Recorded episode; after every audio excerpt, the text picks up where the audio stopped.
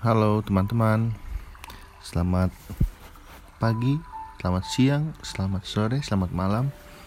Kapan pun teman-teman mendengarkan podcast ini eh, Semoga teman-teman eh, tetap berada dalam perlindungan Tuhan ya.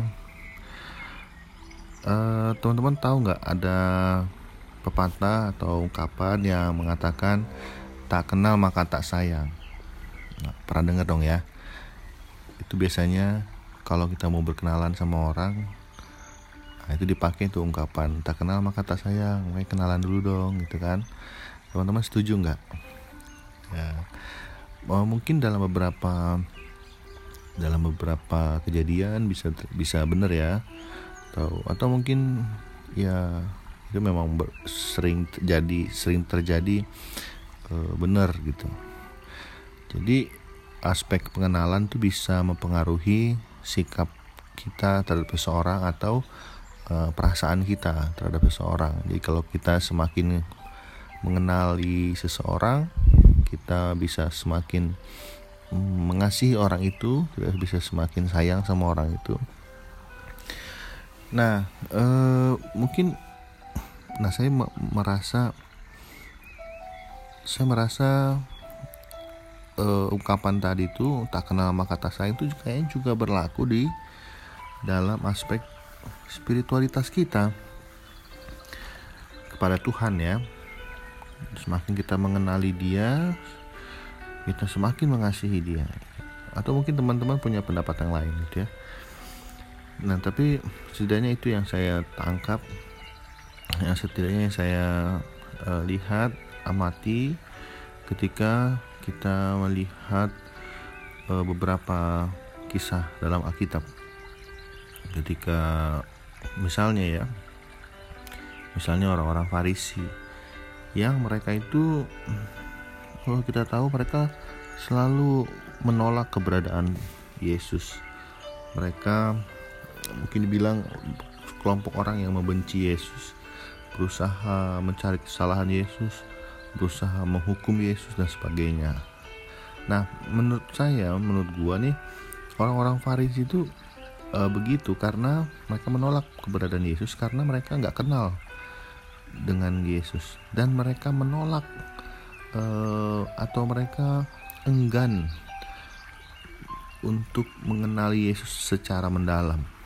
Jadi mereka karena sudah dari awal sudah menolak mengenali mengenal Yesus secara mendalam, dan juga mereka merasa terancam dengan keberadaan Yesus. Mereka nggak mau tahu siapa Yesus sebenarnya gitu ya. Sehingga dalam setiap perjumpaan mereka akan terus meragukan sosok Yesus sebagai Mesias. Nah ada satu peristiwa nih salah satu ketika ada perjumpaan Tuhan Yesus dengan orang-orang Farisi. Nah ketika itu situasinya adalah ketika uh, mereka lagi uh, meributkan atau memperdebatkan tentang seorang ada orang yang buta sejak lahir dan kemudian dapat melihat. Ya kan itu jadi dipersoalin ya di, dipermasalahkan oleh orang-orang Farisi kan. Nah, di tengah di sela-sela cerita itu tuh uh, Tuhan Yesus menggambarkan dirinya dengan perumpamaan. Perumpamaan yang dipakai adalah perumpamaan tentang gembala dan domba. Nah, mungkin kita sudah biasa ya mendengar uh, perumpamaan ini. Misalnya dalam kitab uh, dalam Mazmur 23 juga tentang gembala. Nah, tapi menarik ketika di situasi tadi, situasi eh, teman-teman kalau mau baca itu ada di Injil Yohanes ya Injil Yohanes pasal 10. Nah, pasal 10 ayat 1 sampai 10 itu tentang perumpamaan eh, apa? gembala dan domba itu, gembala yang baik. Tapi sebelumnya berarti pasal 19 eh pasal 9 akhir itu cerita tentang eh, orang buta yang disembuhkan. Nah, di situ eh, Tuhan Yesus menggambarkan dirinya seperti so, seperti seorang gembala yang baik ya dan dia menggambarkan gembala yang baik itu seperti apa. Gembala yang baik itu dikenal suaranya oleh domba-dombanya. Suara yang baik apa gembala yang baik itu akan diikuti oleh domba-dombanya ya. Nah teman-teman bisa baca deh di Injil Yohanes 10 ayat 1 sampai 10 nah menurut saya dari cerita cerita itu teman-teman ya gue lihat ada dua pesan penting nih. Yang pertama tentu seperti judul perikop itu gembala yang baik. Jadi yang pertama menurut gue ya memang kita kita punya gembala yang baik ya. Kita punya Tuhan yang menjadi gembala yang baik buat kita domba-dombanya. Untuk semua domba-dombanya tanpa terkecuali. Ya dia kenal siapa kita dia kenal siapa gua seperti apa gua dan juga teman-teman gimana dia tahu betul kondisi kita sekarang gimana kondisi teman-teman sekarang gimana apa yang teman-teman rasakan apa yang teman-teman gumuli dia tahu. Secara personal dia tahu. Dan ketika Tuhan Yesus mengatakan dia gembala yang baik dan dia pintu menuju uh, padang rumput yang hijau itu ya berarti Tuhan Yesus mau menegaskan bahwa sebagai gembala yang baik Tuhan Yesus itu mau menuntun kita ke situasi yang baik dia mau menuntun kita ke suasana yang tenang, membawa kita ke dalam damai sejahtera yang disimbolkan dengan air yang tenang, padang rumput yang hijau, gitu ya. Tuhan Yesus pasti mau membawa kita ke jalan yang benar. Dan itu juga dia lakukan kepada kita. Di tengah-tengah situasi seperti ini, kita dalam keadaan krisis, dalam kesulitan, dalam pergumulan, kita mau percaya bahwa uh, Tuhan Yesus sebagai gembala yang baik itu mau menuntun kita ke jalan yang baik. Uh, dan itu penting untuk kita imani ya, karena banyak orang sekarang sedang banyak orang yang mulai mempertanyakan Tuhan, ada yang mulai meragukan Tuhan, ada yang mulai tidak peduli, nggak mau eh, nggak mau apa, nggak mau optimis ya. Nah lalu yang kedua, menurut gue pesan pentingnya apa?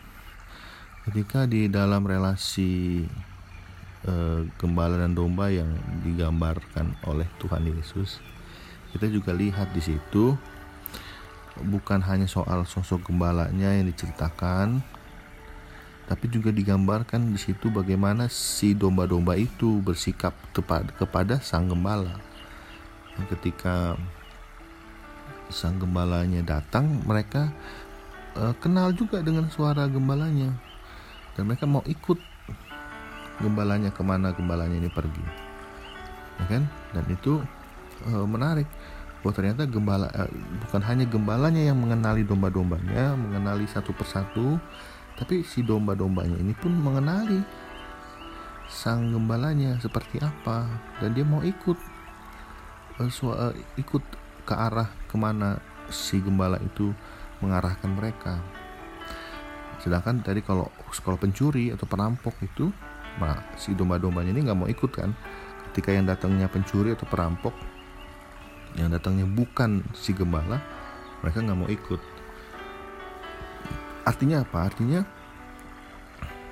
eh, domba-domba itu juga menunjukkan sikap yang baik sebagai domba-domba yang baik jadi bukan hanya gembalanya yang baik tapi domba-dombanya pun jadi domba jadi domba-domba yang baik. Nah terus gue jadi merenung. Oh iya ya. Sekarang kalau kita bilang kita ini adalah domba-domba gembalaan Tuhan kita ini domba-domba eh, kepunyaan Tuhan kita udah jadi domba yang baik belum sih? Iya nggak? Ketika gembala kita ketika gembala kita yang baik itu gembala agung yang baik Tuhan Yesus sudah sangat baik mau menuntun kita mau menolong kita. Terus kita jadi domba gimana? Kita sudah berlaku yang baik juga belum? Kita mau dengar suaranya Tuhan nggak? Kita mau dengar nggak suara gembala yang baik itu? Kita mau percaya nggak? Kita mau nggak ikut atau berjalan seturut dengan jalan yang Tuhan sudah tunjukin. Tuh, sang gembala sebagai gembala Tuhan Yesus sudah menuntun kita.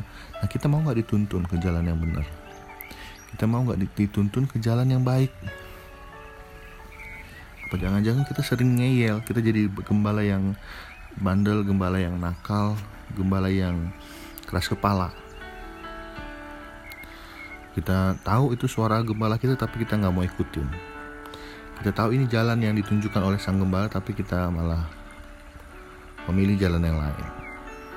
Nah gue jadi merenung ya. Orang sering kali uh, menekankan soal gembala yang baik gembala yang baik. Iya gembala yang baik betul. Nggak perlu diragukan lagi. Tuhan Yesus itu gembala yang baik. Sudah titik nggak perlu diragukan nggak perlu diperdebatkan. Yang perlu diragukan tuh ternyata kita ternyata diri kita sendiri. Ya kan? Contohnya aja ketika kita dalam berada dalam keadaan krisis kesulitan nah, itu tadi banyak orang yang mulai meragukan Tuhan mempertanyakan Tuhan mulai kecewa dan sebagainya. Ternyata kita nggak jadi domba yang baik dong. Paling harusnya kita percaya Tuhan akan menunjukkan jalan yang baik. Nah terus eh, itu juga hubungan timba balik seperti ini juga kalau dipikir-pikir uh, terjadi dalam kehidupan kita sehari-hari ya ketika um, dalam kehidupan keluarga kita menuntut orang tua kita jadi orang tua yang baik. Tapi di saat yang sama harusnya kita mikir kita udah jadi anak yang baik belum? Kalau misalnya kita hanya uh, terus menuntut oh, orang tua kita harus begini begini begini tapi di saat di saat yang sama kita sebagai anak nggak mampu jadi anak yang baik ya harusnya kita introspeksi diri ya.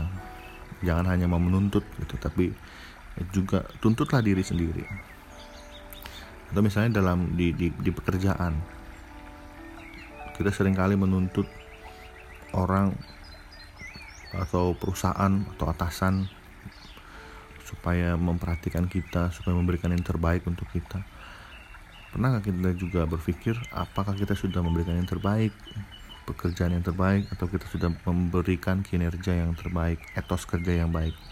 Jangan-jangan belum. Tanggal 1 Mei kemarin kan hari buruh nah internasional ya May Day. Gue lihat postingan gua beberapa tahun lalu. Ketika hari buruh May Day banyak sekali orang-orang yang demo ya, menuntut hak dan sebagainya. Gue sih nggak pernah menyalahkan, gue setuju buruh harus juga sejahtera buruh harus juga diperhatikan hak-haknya karena memang banyak perusahaan atau banyak tempat kerja yang lalai tapi coba lihat setelah gue lihat ya gue ingat postingan itu setelah ternyata setelah demo buruh besar-besaran itu ada ujungnya ujungnya apa? Sampah coy di mana-mana. Mereka meninggal meninggalkan sampah yang bertumpuk-tumpuk eh, gitu. Akhirnya mereka nggak jadi warga yang baik juga. Ya, atau menuntut uh, menuntut perusahaan untuk berbuat yang terbaik tapi ternyata dianya juga males-malesan banyak alasan gitu sebagainya. Nah menurut gue itu juga sama dengan tadi dengan tentang relasi yang Tuhan Yesus mau tunjukin ya. Gembala yang baik tapi domba-dombanya juga baik bukan hanya satu satu uh, pihak saja. Atau kemarin tanggal 2 Mei itu hari pendidikan. Nah, banyak orang tua menuntut anaknya belajar anaknya rajin. Terus orang tuanya ternyata orang tuanya juga nggak menunjukkan perbuatan yang sama. Orang tuanya menuntut anaknya rajin belajar tapi orang tuanya main gadget mulu seharian.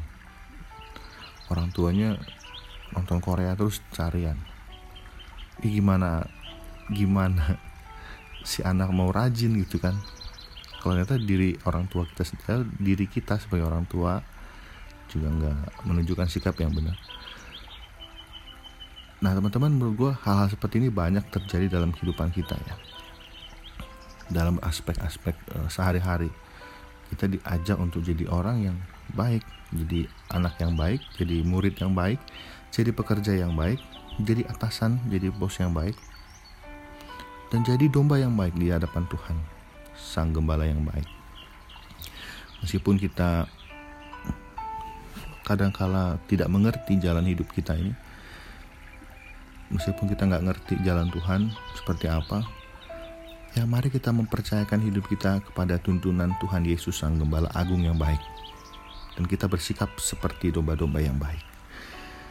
teman-teman jadi uh, mungkin ini yang mau bisa gue refleksikan dan gue bagikan ke teman-teman hari ini semoga uh, kita bisa bersama-sama keluar dari situasi krisis di situasi kesulitan ini dan bisa bersama-sama menemukan padang rumput yang hijau, menemukan kehidupan yang lebih baik bersama-sama dengan Tuhan sang gembala yang baik. Oke teman-teman, selamat melanjutkan aktivitas. Thank you udah dengerin. Semoga renungan ini eh, bermanfaat dan juga bisa memberkati teman-teman. Bagikan eh, kepada yang lain dan juga tetap semangat, optimis, jangan lupa berdoa. Tuhan Yesus memberkati. Cayo. Bye.